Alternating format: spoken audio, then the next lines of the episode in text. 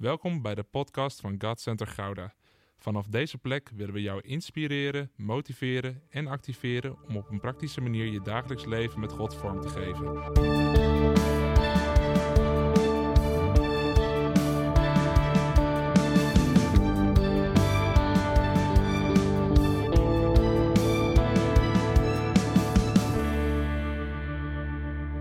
Goedemorgen allemaal.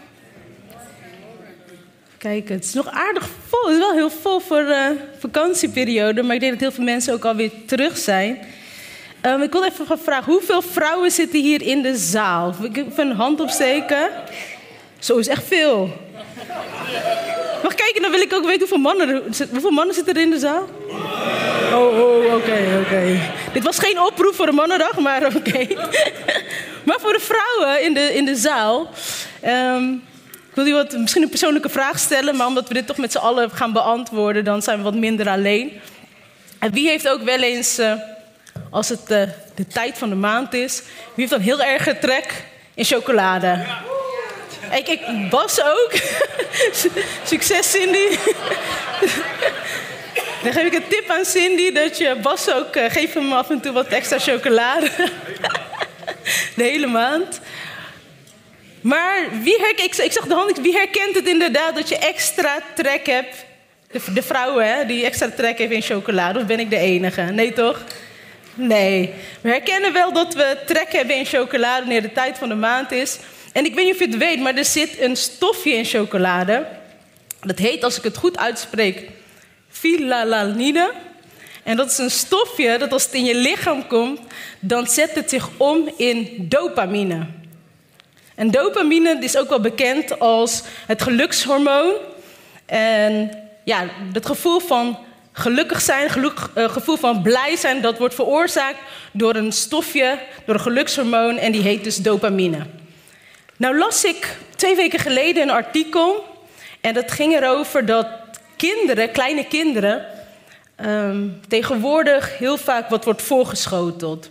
Dus als kinderen bijvoorbeeld huilen of zich vervelen, dan krijgen ze heel vaak uh, speelgoed voorgeschoteld of, uh, uh, of die worden voor de tv gezet. Ze worden in ieder geval altijd bezig gehouden.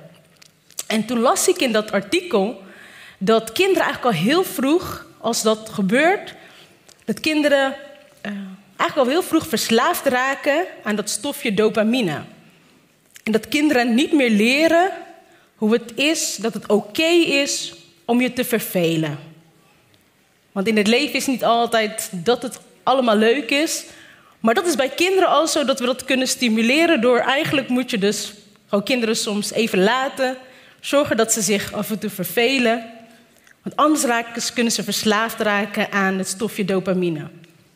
Nou, voor de jongeren onder ons, misschien um, de, de, wat jongeren die misschien influencers volgen of YouTubers.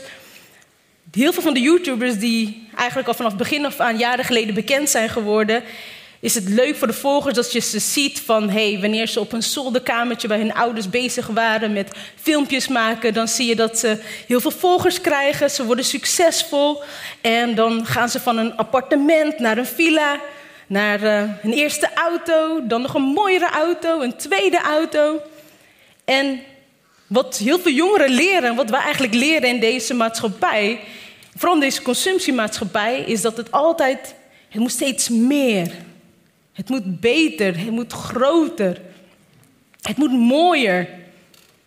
En op een gegeven moment zie je bij heel veel van die jonge gasten, zie je ineens dat wanneer ze alles denken te hebben, ze kunnen zich alles veroorloven, dat je dan ineens een soort van leegte ziet ontstaan. Dat ze bij zichzelf afvragen, hoe kan het dat ik alles heb, maar ik voel me toch zo leeg?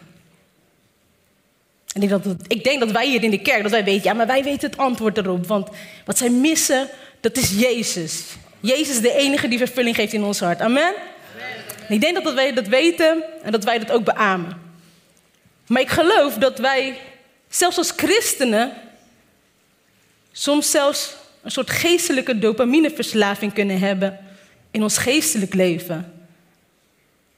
Als we gewend zijn in een gemeente te zitten, in een kerk, waarbij we van, van glorie naar glorie wonderen en tekenen zien. Dat we van die mooie evenementen hebben. We hebben vorige maand hebben we hebben we Love Week gehad. Daarna hebben we de jeugd- en de tienerkamp gehad. En we kijken uit naar de viering van ons vijfjarige bestaan. Dat is hartstikke mooi. Maar het kan ook zijn dat we daardoor wel op een gegeven moment niet meer weten hoe we om moeten gaan met die periodes ertussendoor. Of hoe moeten we omgaan met de periodes wanneer het minder goed gaat? Want waar halen we uiteindelijk onze voldoening vandaan? En zeg ik dat we ons niet mogen uitstrekken naar meer? Nou, van, maar God heeft toch hele mooie dingen gedaan tijdens de Love Week. Wat wordt, het volgende evenement waar we mogen uitdelen? Of mogen we ons niet uitstrekken naar, oh, ik heb zin, we hebben vakantie gehad en de eerstvolgende Glory Night. En de wonderen en tekenen die God gaat doen.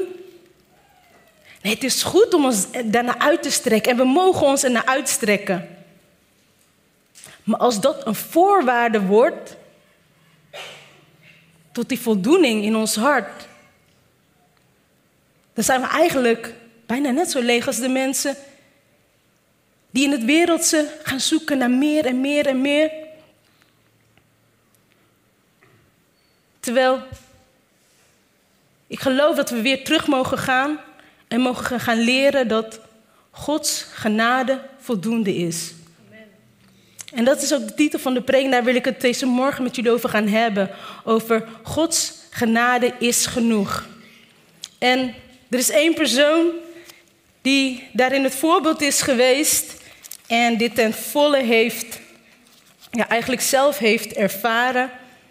En dat is Paulus. En ik wil met jullie daar ook uit gaan lezen.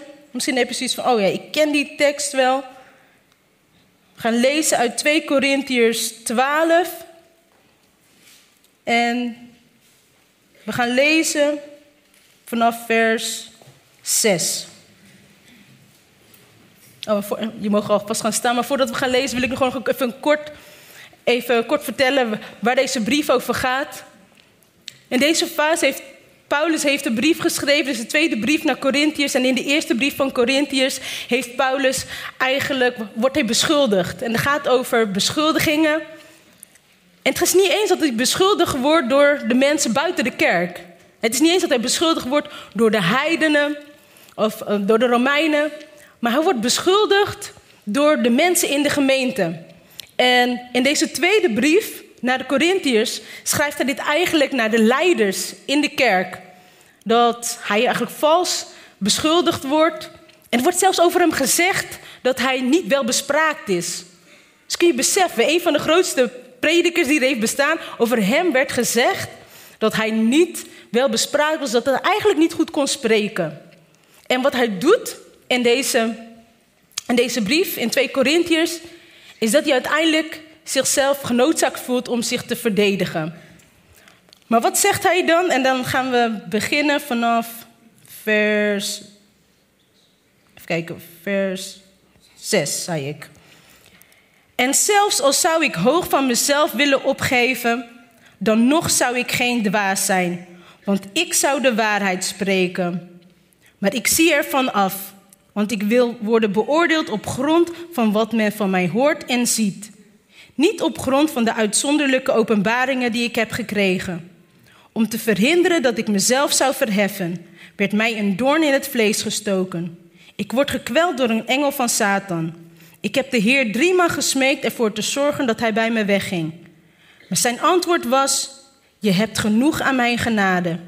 Want mijn kracht openbaart zich juist ten volle wanneer iemand zwak is. Dus laat ik me veel liever voorstaan op mijn zwakheden opdat de kracht van Christus in mij komt wonen. Daarom schep ik vreugde in mijn zwakheden, in beledigingen, nood, vervolging en ellende die ik onderga omwille van Christus. In mijn zwakheid ben ik sterk. Je mag gaan zitten. In het vorige hoofdstuk, in hoofdstuk 11, noemt Paulus noemt dan eigenlijk op wat hij allemaal heeft meegemaakt. De gevaarlijke situatie die hij heeft beleefd. Hij heeft drie keer schipbreuk geleden. Hij heeft meerdere malen was hij op sterven na dood. Hij is zelfs een keer gestenigd geweest en werd toen voor dood achtergelaten. En vaak leed hij honger en was hij uitgeput. En bovendien zegt hij dan meerdere keren in zijn de brieven die hij schrijft, droeg hij steeds de last met zich mee van de verantwoordelijkheid die de zorg van de gemeente met zich meebracht. Maar wat zien we? Ondanks dat, ondanks alles, was Paulus toegewijd, vastberaden en doelgericht. En ik wil met jullie gaan kijken vanuit deze versen, wat zien we bij Paulus en wat kunnen wij leren van Paulus? Paulus was belangeloos, hij was kwetsbaar en volhardend. En ik geloof dat de eerste les die we van Paulus kunnen leren is dat hij zegt: Ik sta er liever om bekend om mijn zwakheden, zegt hij, dan om mijn kracht. Terwijl het eigenlijk best wel gek is als we kijken naar de wereld en zelfs ook, zelfs in bepaalde dingen ook in de kerk, dan is het heel vaak dat en naar je wordt gekeken vanuit je talenten, vanuit je krachten. En ja, empowerment, daar ben ik ook heel erg voor. Daar, ja, dat is goed, van we willen mensen bekrachtigen. Kijken, wat is jouw talent, wat is jouw passie? En van daaruit willen we gaan werken en mensen in hun kracht zetten. Maar als we kijken naar wat Paulus doet, dan is het juist dat hij vond dat Gods kracht belangrijker was dan zijn kracht. En om Gods kracht belangrijker te vinden, ging dus niet om de eer van Paulus. Paulus hoefde geen eer van mensen. En hij, het ging hem niet om zijn credits. En wij als mensen die zijn vaak heel erg geneigd aan van... ja, als we iets bereiken, dan willen we ook graag de credits... en graag die eer ontvangen van... hey, als er op het werk iets gedaan wordt... dan voelen we al best wel heel snel... hoe zeggen dat, gepasseerd... als wij niet de credits krijgen die ons toebehoort... omdat ja, wij hebben het harde werk gedaan. Maar wat we hier leren, en dat is de eerste les van Paulus, wat ik mooi vind, is dat we moeten gaan van egocentrisch naar Godcentrisch, als het een woord is. En zo niet, dan is vandaag een woord. Godcentrisch. En weet je, dat vind ik zo mooi, dat onze gemeente, die heet God Center. En dat heeft twee betekenissen. Dat is God at the center en God's original design. Ik vond het heel mooi dat Pastor Jeroen bij de laatste visieavond, die iemand stelde een vraag van wat betekent God Center nou? En dat Pastor Jeroen zei, ten eerste en allerbelangrijkste betekent het dat God in het centrum is van onze kerk. Zeg, en daaraan ondergeschikt is het, we zijn allemaal God's original design. Ik vind het ook heel mooi dat dat ook bij het worship team ook in de visie staat. En dat het visie is van, hé, hey, wij zingen geen liederen die gaat om onze problemen, om wat wij van God kunnen ontvangen. Maar dat echt de, visie is om God te aanbidden en dat de God centraal staat en Hem verhogen centraal staat in de liederen. En misschien denk je bij jezelf, ja, met de liederen, dit is niet zo'n heel moeilijk iets, want dat is best wel logisch. Dat, ik denk dat zelfs iemand die niet gelovig is, kan begrijpen dat als christen dat, je, dat niet jezelf centraal staat, maar dat God centraal staat. Maar ik heb ontdekt dat je kan nog steeds dingen doen voor God. En toch is het niet voor God, maar voor jezelf. En ik denk dat dat soms lastiger is, dat wanneer we denken, hey, in het praktische staat God centraal in ons leven. Want ik ga elke zondag naar de kerk en ik uh, bezoek meerdere activiteiten in de kerk. En ja, ik doe van alles in de kerk eigenlijk. En ik bid elke, elke morgen, dus God staat centraal in mijn leven. Maar ik denk en ik geloof dat we hier naar moeten kijken wat bij Paulus aan de hand is. Het is een hartskwestie. Want God kan misschien centraal staan in jouw praktische leven. Maar wat speelt er werkelijk af? Is God ook het centrum van je hart? Want op het moment dat wij eisen gaan stellen en voorwaarden gaan stellen aan God, dan kan er hoogmoed in ons hart ontstaan. Dan kan het misschien gaan om onze plek, om onze positie, om onze dromen en verlangen in de kerk. En dan kunnen van alles voor God doen, maar ten diepste is het voor onszelf. En dat vind ik het mooie bij Paulus, is dat we bij Paulus zien dat hij één doel voor ogen was, had. En dat was Jezus. Zijn doel was Jezus.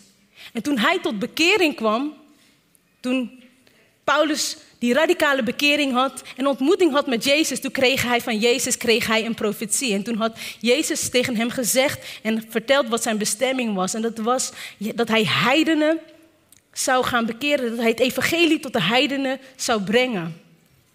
Nou weet ik niet dat je, we, we hebben net benoemd wat Paulus allemaal had meegemaakt. En Paulus had behoorlijk wat meegemaakt. En nog steeds was hij bereid om dat doel, dat doel voor zijn leven, om dat te bereiken. Zonder een verborgen agenda. Want het ging niet om hem. Het ging steeds om Jezus en om de heidenen het evangelie te brengen. En dat vind ik mooi dat als we dan kijken wat we bij Paulus zien in dit stukje, hij heeft over zijn zwakheden, dan denken we vaak bij zwakheden, denken we, oh, als je ziek bent of je hebt financiële nood. Kijk, en dan is het niet zo moeilijk als we zeggen van, oh, we willen God de eer geven. Want ja, als ik ziek ben en God maakt mij beter, ja, dan ben ik beter. En dan vind ik het niet erg om God de eer te geven. Of als we een financiële nood hebben en we bidden tot God van, Heer, wilt u hier een doorbraak geven? Dat vinden we ook niet erg om daarvan te getuigen. Want dan is het mooi van, hé, hey, dan kunnen we durven aan elkaar te vertellen... God heeft mij hier uit deze financiële, financiële situatie gered. Maar ik geloof, en als we kijken ook naar waar het hier om ging bij Paulus... waar hij op aangevallen werd... is dat het soms moeilijker is als onze zwakheden in onze kracht zitten. Ik zal proberen uit te leggen. Het is makkelijker als iemand tegen mij bijvoorbeeld zou zeggen van... Nou, Talita, jij bent niet zo goed in wiskunde. Ik kan denken, ja, ik ben ik ook niet goed in. Ik ben beter in talen, maar ik was niet zo goed in exacte vakken. En als iemand dat tegen mij zou zeggen, zou het me ook echt niet heel erg boeien. Want ik weet het gewoon van mezelf. En dan denk je, nou, zit ik daarmee? Nee, ik vind het niet heel erg moeilijk. Dus we weten vaak heel goed waar onze sterke en onze zwakke kanten zitten. En bepaalde zwakke kanten vinden we ook niet erg, want dan denken we, ja, nou, ik heb andere talenten van God gegeven, gekregen. En dan is het niet zo moeilijk als het dan gaat om van, oké, daarin kunnen we God de eer geven. Maar als we dieper kijken, en dan kijken we naar, maar wat als het gaat om zwaktes en zwakheden die met onze kracht te maken hebben. Wat als je heel ergens goed in bent of juist ergens een passie voor hebt en dan lukt het je niet? Of dan merk je dat je daarin strijd ervaart. Dan vind je het vaak lastiger om, op, om over die zwakheden te hebben. Daar praten we liever niet over. Als het gaat om zwakheden die misschien verborgen zijn in ons hart. Dan wordt het wat lastiger. Want die dingen lossen we liever zelf op. En als we kijken naar hoe de wereld ermee omgaat met successen, dan laten we liever onze successen zien. Op social media heet het niet voor niets highlights, wat je laat zien. Dat zijn de stories, dat zijn de, de hoogtepunten die je deelt met mensen.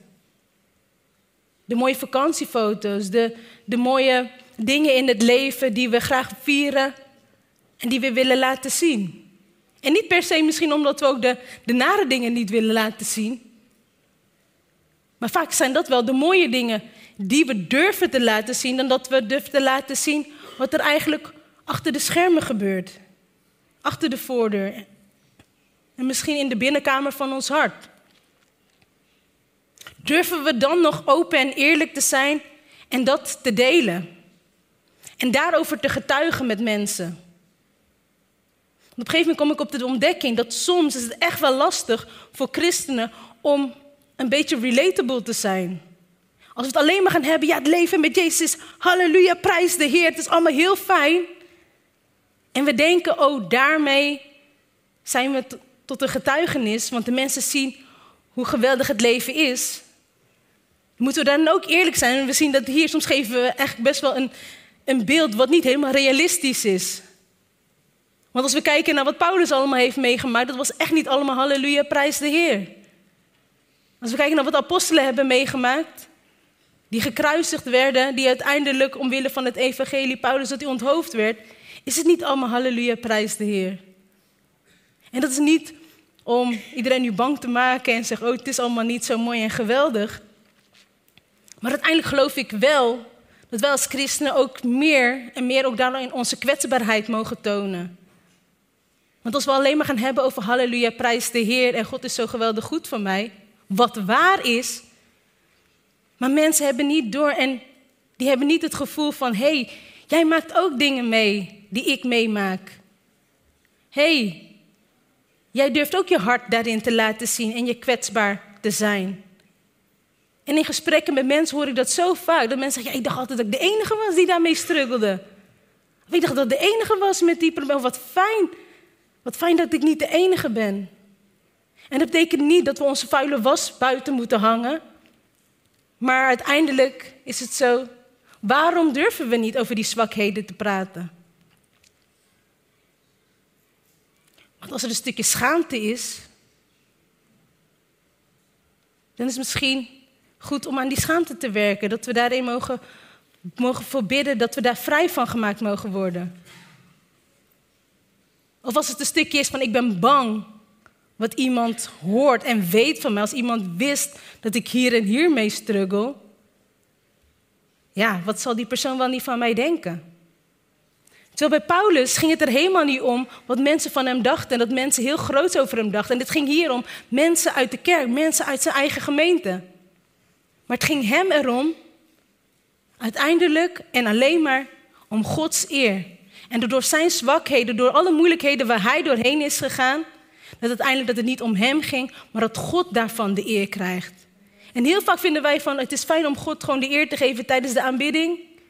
Maar soms vinden we het lastig om door onze eigen zwakheden, door de dingen die wij moeilijk vinden, om God de eer te kunnen geven.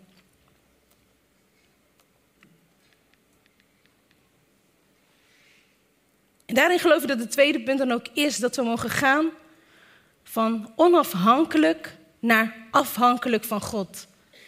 Want als we kijken naar de wereld, wat alleen maar uitgaat van, hey, zoek de kracht in jezelf. En wat is jouw kracht? Wat is jouw talent? En dat gaan we inzetten. Ja, dan willen we natuurlijk liever niet dat mensen ook weten dat we soms met dingen struggelen en het moeilijk vinden. Als we kijken naar in de wereld, geldt eigenlijk een heel ander principe. In de wereld gaat kracht hand in hand met onafhankelijkheid. Je moet zorgen dat je onafhankelijk bent. Dat je voor jezelf, dat je jezelf kan redden, dat je voor jezelf kan opkomen. Maar Gods principe is juist dat wij door onze zwakte afhankelijk blijven van Hem. En heel vaak zijn we zoiets van, ja, ik vind het niet erg om God tot hulp te roepen. Ik ben daar niet te trots op. Maar vaak is dat pas op een moment wanneer we in moeilijkheden komen. Wanneer we moeite hebben, dan pas gaan we naar God toe. Maar wat zegt Paulus? Paulus is eigenlijk blij dat hij een doorn in het vlees heeft, zegt hij. Waarom is hij daarop blij om? Hij zegt, want dat houdt, uiteindelijk houdt het hem dicht bij God. Uiteindelijk houdt het hem afhankelijk van God en blijft hij op God richten en kan hij niet roemen in zichzelf. En dan vind ik het mooie dat het derde punt, wat we kunnen leren van Paulus, en daar gaat deze preek ook over, is om voldoening te vinden in Gods genade. Als we kijken naar Paulus, dan heeft Paulus meer invloed gehad op de 2000 jaar kerkgeschiedenis dan wie dan ook. Op Jezus na natuurlijk. En er is niemand geweest die zoveel invloed heeft gehad op de geschiedenis van Europa als hij. We kunnen Paulus wel eigenlijk benoemen als de beroemdste briefschrijver van de geschiedenis. En zoals ik al zei, van, Paulus heeft zulke gevaarlijke situaties heeft hij meegemaakt en overleefd. En Paulus was niet in de veronderstelling dat, oh, hij kiest voor Jezus, hij heeft zich radicaal bekeerd en dat het een en al roze geur en maneschijn zou zijn.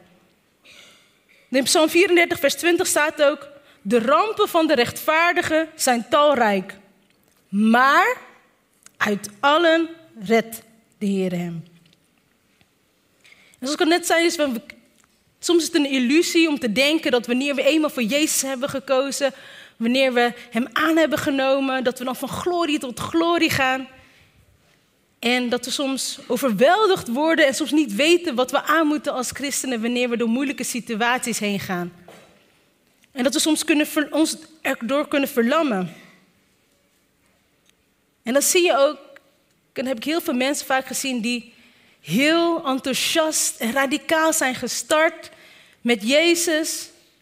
Maar wanneer er moeilijkheden op het pad komen, dat er dan toch, ja, dat ze dan ineens ervan afzien. Want dan is het christelijk leven, het leven met Jezus is niet zoals ik had gedacht. En toen kwam ik er eigenlijk, kwam ik erachter dat we een soort als mensen, een beetje een soort van contractsituatie met God hebben. Dat we soms voorwaarden stellen aan God. Kijk, als je met arbeidsvoorwaarden gesprek, als je een contract gaat tekenen voor werk, of het nou een zakelijk contract is, dan heb je bepaalde rechten en plichten waarbij, waarbij, waarbij de partijen aan moeten voldoen. En ja, je stelt een aantal voorwaarden op. Je, wilt, je verwacht wat van de ene partij, dat je bepaalde diensten uitvoert. En de andere partij verwacht ook dat er bijvoorbeeld een aan een bepaalde betalingsregeling wordt voldaan. En het is een soort van voorwaarts hoort wat met belangen. Want uiteindelijk zijn die rechten en die plichten zijn ervoor om voor de belangen op te komen van beide partijen. Maar heel vaak hebben we dat ook met God, dat we een voorwoord hoort wat relatie kunnen hebben. Dat we zeggen, God is genoeg voor mij. Dan zeggen we, ja, Hij is genoeg voor mij. Maar als het ineens te veel van ons vraagt, of als het te heet onder onze voeten wordt, of als de dingen niet gaan zoals wij het willen. Misschien dat we de kerk niet verlaten en misschien dat we God niet verlaten. Maar je ziet heel vaak dat mensen dan stoppen met hetgeen wat God ze toegeroepen heeft.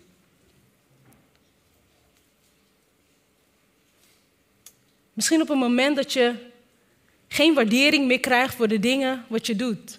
Het kan op het werk zijn, maar het kan ook in de kerk zijn.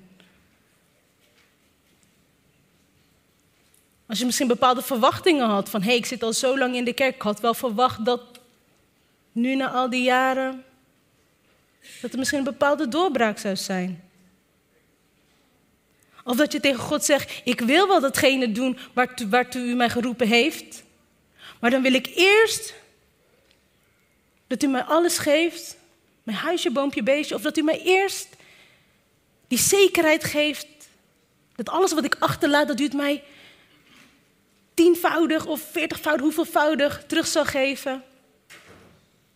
En dat we van tevoren met God een soort van contract willen opstellen, voordat we bereid zijn om te doen wat Hij van ons vraagt. Maar dan wil ik een vraag stellen. Wat als Paulus voorwaarden had gesteld aan God? Wat als Paulus had gezegd tegen God: Oké, Jezus, ik ga het evangelie verkondigen aan al die heidenen. Maar als ik nog één keer een schipbreuk meemaak, of als ik nog één keer mishandeld word, of als nog één keer iemand in de kerk zegt dat, ik, dat mijn preken niet goed zijn, dan kap ik ermee.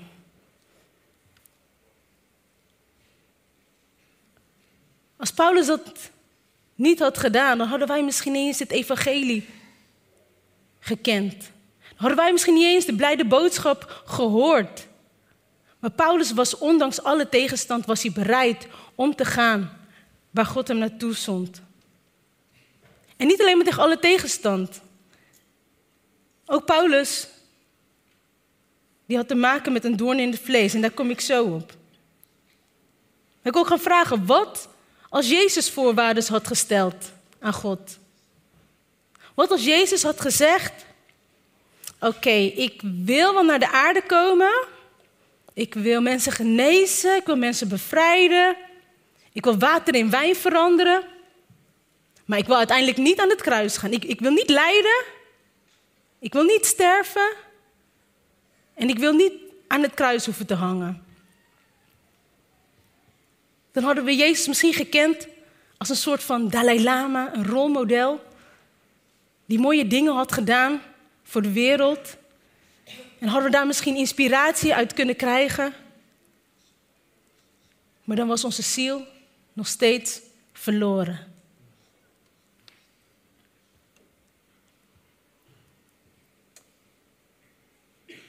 In de Bijbel staat: wonderen en tekenen zullen de gelovigen volgen.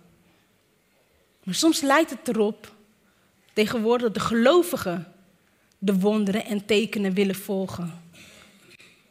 Want wonderen en tekenen zullen de gelovigen volgen. Dat zegt pastor Jeroen wel vaker bij de Glory Night. Het is om het evangelie kracht bij te zetten. Maar wij als christenen, als gelovigen, hebben het soms omgedraaid. Dat wij denken dat God zichzelf aan ons moet bewijzen. Dat wij eisen kunnen stellen aan God. Van oké, ik geloof nu in u en ik wil gaan voor hetgene waartoe u mij geroepen heeft. Maar dan moet u wel dit, dit en dit.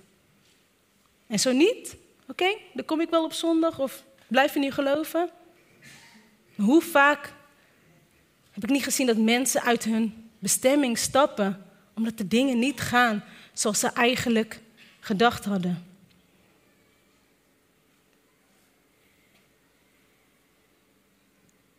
En ik zei het net, we hadden het over Paulus, die had niet alleen maar allerlei tegenstand. Maar Paulus had te maken met een doorn in het vlees. En we zien niet heel erg duidelijk, wordt niet duidelijk of het echt een doorn in het vlees is, of dat een soort van hele grote splinter was waar hij dat had en waar hij dat precies in zijn lichaam had. Of dat het misschien een geestelijk iets was, want hij vertelt over het is alsof een engel mij slaat.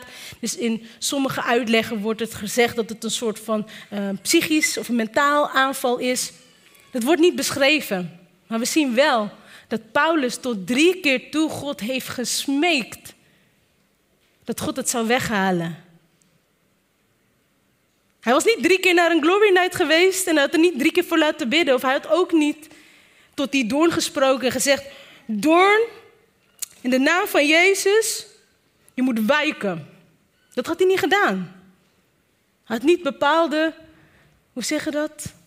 Bepaalde principes gevolgd om die doorn te laten verdwijnen. Hij is zo menselijk geweest, net als jij en ik. Hij heeft God gesmeekt tot drie keer toe. En dan krijgt hij als antwoord: Maar mijn genade is genoeg voor jou. En ik weet niet wat jouw doorn is. Misschien is het doorn in jouw leven, is misschien een bepaald verlangen. Iets waar je zo graag al jarenlang naar verlangd hebt. Een bepaalde droom, wat nog steeds niet is uitgekomen. Dat je elke keer denkt, ja God, als u die droom uit laat komen, als u dat verlangen geeft, dan zal ik. Of misschien is het wel een bepaalde genezing of bevrijding wat je zo lang erop hebt gewacht. Dat God, als u mij geneest, als u mij dat geeft, die bevrijding geeft, dan kan ik eindelijk doen wat u van mij vraagt. Maar ik geloof dat je nog steeds kan doen wat God van jou vraagt, vraagt en gaan waar God jou zendt. Want het bereiken van het doel van jouw leven moet niet afhankelijk zijn van het wijken van de doorn in jouw leven. En soms laten we ons verlammen door die doorn in ons leven en komen we tot stilstand. Kijk, en dan wil ik niet zeggen dat als je met bepaalde dingen struggelt, zoals bepaalde verslavingen, of je hebt bepaalde, uh, je hebt bepaalde dingen uit het verleden waarvan je nog van moet herstellen, dat je maar door moet gaan. Nee, want dan geloof ik ook dat nog steeds daarin de voorwaarde geldt. Gods genade is genoeg voor jou. Want wanneer we daar niet mee dealen met bepaalde dingen en we gaan gewoon door, wat we mee bezig zijn is een stukje overcompensatie.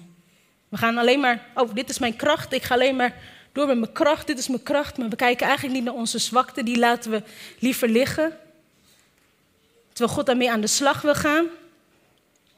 En dan lijkt het misschien van, hé, hey, ik ben toch goed bezig, want ik ben juist niet aan het focussen op mijn zwakte. Maar tegelijkertijd is wat is, wat is die motivatie eronder? En de motivatie moet in elk opzicht blijven Gods genade is genoeg voor mij. Of het nou is dat God jou zegt dat je moet gaan ergens naartoe.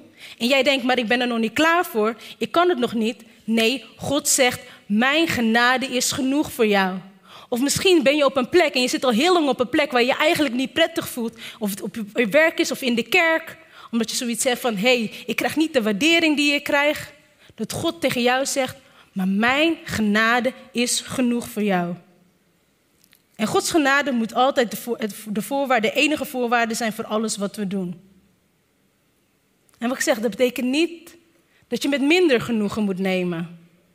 Want ook daarvoor geldt, als je met minder genoegen neemt met, maar deze situatie is wel goed zo. Dat lijkt heel nederig. Dat lijkt zo van, oh, het is heel nederig. Je hoeft niet heel veel van God. Terwijl vorige week zei pastor Sandy, zei er ook iets over. Die zei, een stukje nederigheid en verlegenheid kan soms ook een stukje hoogmoed in zitten als je dieper kijkt. Want wat je eigenlijk zegt is, God wil je eigenlijk daar hebben. Maar wat jij zegt is, nee, nee, God hoeft niet. En uiteindelijk is een stukje hoogmoed van binnen, wat eigenlijk zegt, ik weet het beter. Ik weet beter dan God wat goed voor mij is. Terwijl God jou daar wilt hebben, omdat Hij weet dat jij, als jij op deze plek bent, dat jij iets kan brengen, dat jij het evangelie kan brengen, dat jij het licht van Jezus kan brengen, wat niemand anders kan. En soms denken wij van, ja, maar ik ben hier heel nederig, zit ik hier op deze plek. Terwijl eigenlijk is het onze eigen onzekerheid. Wat zegt van, ik durf daar niet naartoe te gaan. Maar God zegt ook dan, maar mijn genade is genoeg voor jou. En als wij dat niet, als we eigenlijk denken van, maar dat hoeft allemaal niet voor mij. Dan zeggen we eigenlijk, Jezus, het was genoeg voor u om voor mijn redding en mijn ziel te sterven. Maar voor de rest moet ik het allemaal nog verdienen. Voor de rest moet ik het allemaal nog doen. En dan achten wij het offer van Jezus niet op waarde. Want zijn sterven, zijn lijden en zijn sterven was niet alleen maar voor de redding van onze ziel. Maar het was genoeg voor alles waar we nog doorheen moeten gaan. Als wij zeggen dat het niet genoeg is, dan zeggen we eigenlijk dat Jezus werk, dat hij zijn werk niet volbracht heeft. Maar we moeten leren om voldoening te hebben in het volbrachte werk van Jezus. Dus ik wil je gewoon de vraag stellen tot slot. Is Gods genade genoeg voor jou? Is Gods genade genoeg om te blijven op de plek? Of misschien om te gaan daar waar God jou zendt? Of ben je afhankelijk van de waardering en de bevestiging van misschien je collega's, leiderschap hier in de kerk? Of ben je afhankelijk van wat het oplevert? En misschien zeg je van, ja maar, je weet niet waar ik doorheen ga, je weet niet waar ik mee te maken heb. Maar als, we zeggen, als God zegt, mijn genade is genoeg voor jou, en wij zeggen ja maar, dan ontkrachten we eigenlijk die genade van God. Dan ontkrachten we het volbrachte werk van Jezus. En mag je dan niet je twijfels hebben, je bedenkingen hebben en bang zijn? Jawel. We zien dat Paulus tot drie keer toe heeft gesmeekt aan God om zijn doorn weg te halen in het vlees. We zien dat Jezus in het hof van Gethsemane heeft gesmeekt en heeft gevraagd of die drinkbeker niet aan hem voorbij kon gaan. En hij was zo bang dat hij angstzweet zweette en dat het zelfs tot bloedens toe. Maar Jezus vroeg niet van tevoren om een percentage aan God. Hij vroeg niet, oké, ik geef mijn leven, maar dan wil ik dat 85 of 75 procent van de mensheid tot bekering komt. Nee, God stelde geen voorwaarden. Waarom niet? Omdat Hij jou voor ogen had. Omdat Hij jou en mij voor ogen had. En dat was voldoende voor Jezus om te sterven, om te lijden en om het werk te volbrengen waartoe Hij geroepen was. En ik weet niet waartoe jij geroepen bent. Maar ik geloof dat er heel veel mensen hier zijn die ooit iets ontvangen hebben van God en ergens toe geroepen zijn, maar door teleurstellingen of door wat dan ook, ben je eigenlijk die droom een beetje opzij aan het zetten. Dan denk ik, maar dat doet iemand anders wel. En ik weet niet wat die doorn van Paulus was. Misschien had hij wel een doorn in zijn voet, maar we lezen niet dat hij mank liep. Maar Stefan had een doorn in zijn voet en hij liep mank. Hey, het weerhield hem niet om zijn mond te gebruiken om de opdracht te geven om brieven te schrijven. Het weerhield hem niet om het evangelie te prediken. En ik weet niet wat het is, wat jouw doorn in jouw leven is. Maar jouw doorn hoeft geen belemmering te zijn om te doen waartoe God jou heeft geroepen. En jouw doorn hoeft jou niet te beperken om te zijn waar God jou wilt hebben. En we gebruiken heel vaak die doorn als excuus van ja, maar ik heb toch een doorn. Maar de vraag ligt dieper. Is Gods genade voldoende motivatie voor jou om te doen wat God van jou vraagt? En dan komen we bij een hartskwestie. Want dan komen we op wat is genade dan echt? Want genade is een van de meest vage dingen uit het christelijk geloof.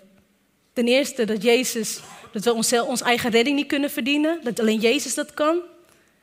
Dat we niet uit onze eigen kracht hoeven te doen, want daarvoor heeft God de Heilige Geest gegeven.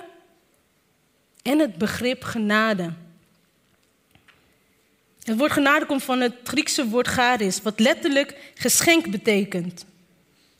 Genade is dus een geschenk wat God aan de mensen geeft, zomaar, gratis, zonder dat we erom kunnen vragen of het verdienen. En heel vaak denken we aan genade bij onze bekering.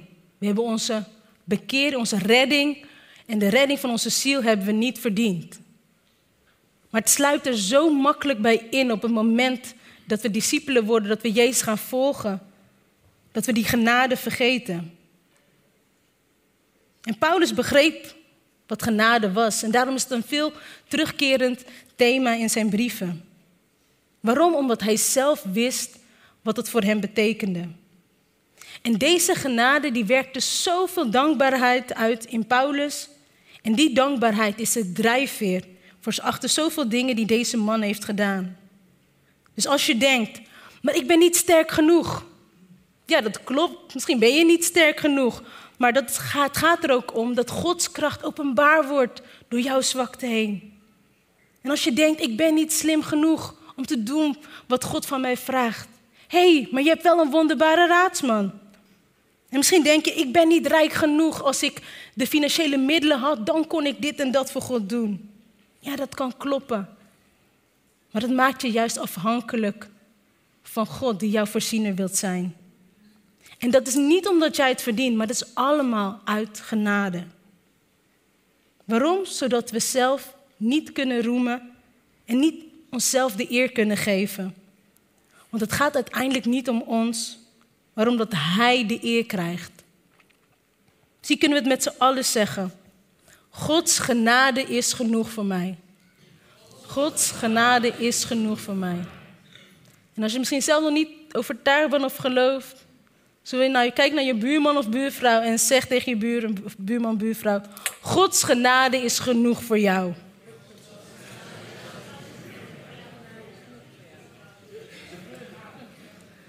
En normaal gesproken zou ik nu het worshipteam naar voren vragen. Maar dat ga ik niet doen. En dat vond ik heel mooi dat in onze voorbeden, toen we gingen bidden met het team, dat ook zeiden, we, we kijken hoe God het leidt. Weet je, in mijn voorbereiding bedacht ik me, soms is zelf, zelfs de muziek, kan soms afleiding zijn. Maar ik geloof dat we deze morgen niet afgeleid hoeven te worden, maar dat we afgestemd mogen worden op Gods geest. En laten we met z'n allen gaan staan. En gewoon in stilte. misschien stilte voelt soms ongemakkelijk, maar ja, we hebben het hier toch over ongemakkelijke dingen, over de zwakheden, waar Paulus het over spreekt, over het doorn in het vlees. Dus een ongemakkelijke stilte kan er ook nog wel bij, toch? En laten we gewoon genoegen nemen met Gods genade deze morgen. Laten we genoegen nemen met Zijn aanwezigheid, Zijn goedheid. En misschien zijn er dingen waar je misschien door geraakt bent dat je denkt, ja, ik ben zo gefocust geweest op jou, ja, op, op je doorn, op jouw bepaalde pijnpunt.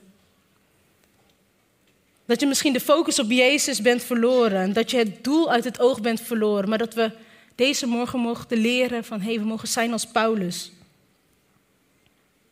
En ik wil gewoon een paar minuten geven, of gewoon een paar, even een moment geven. Dat we gewoon in een ongemakkelijke stilte, misschien als je wilt, hardop wil bidden, mag je hardop bidden. Als het in stilte is, mag je het gewoon in stilte doen.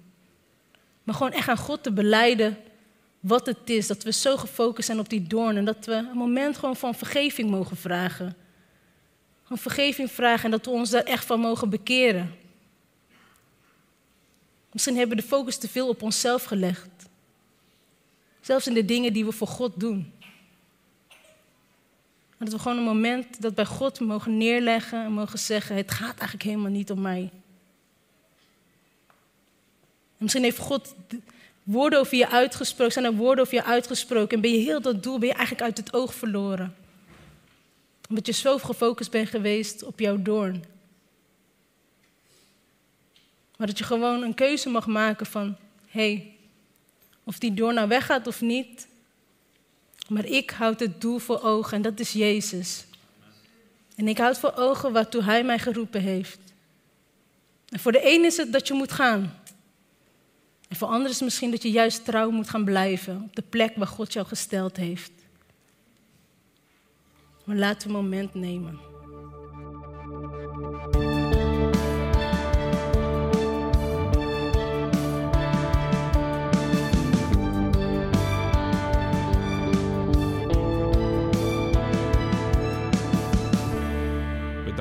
Luisteren naar deze podcast.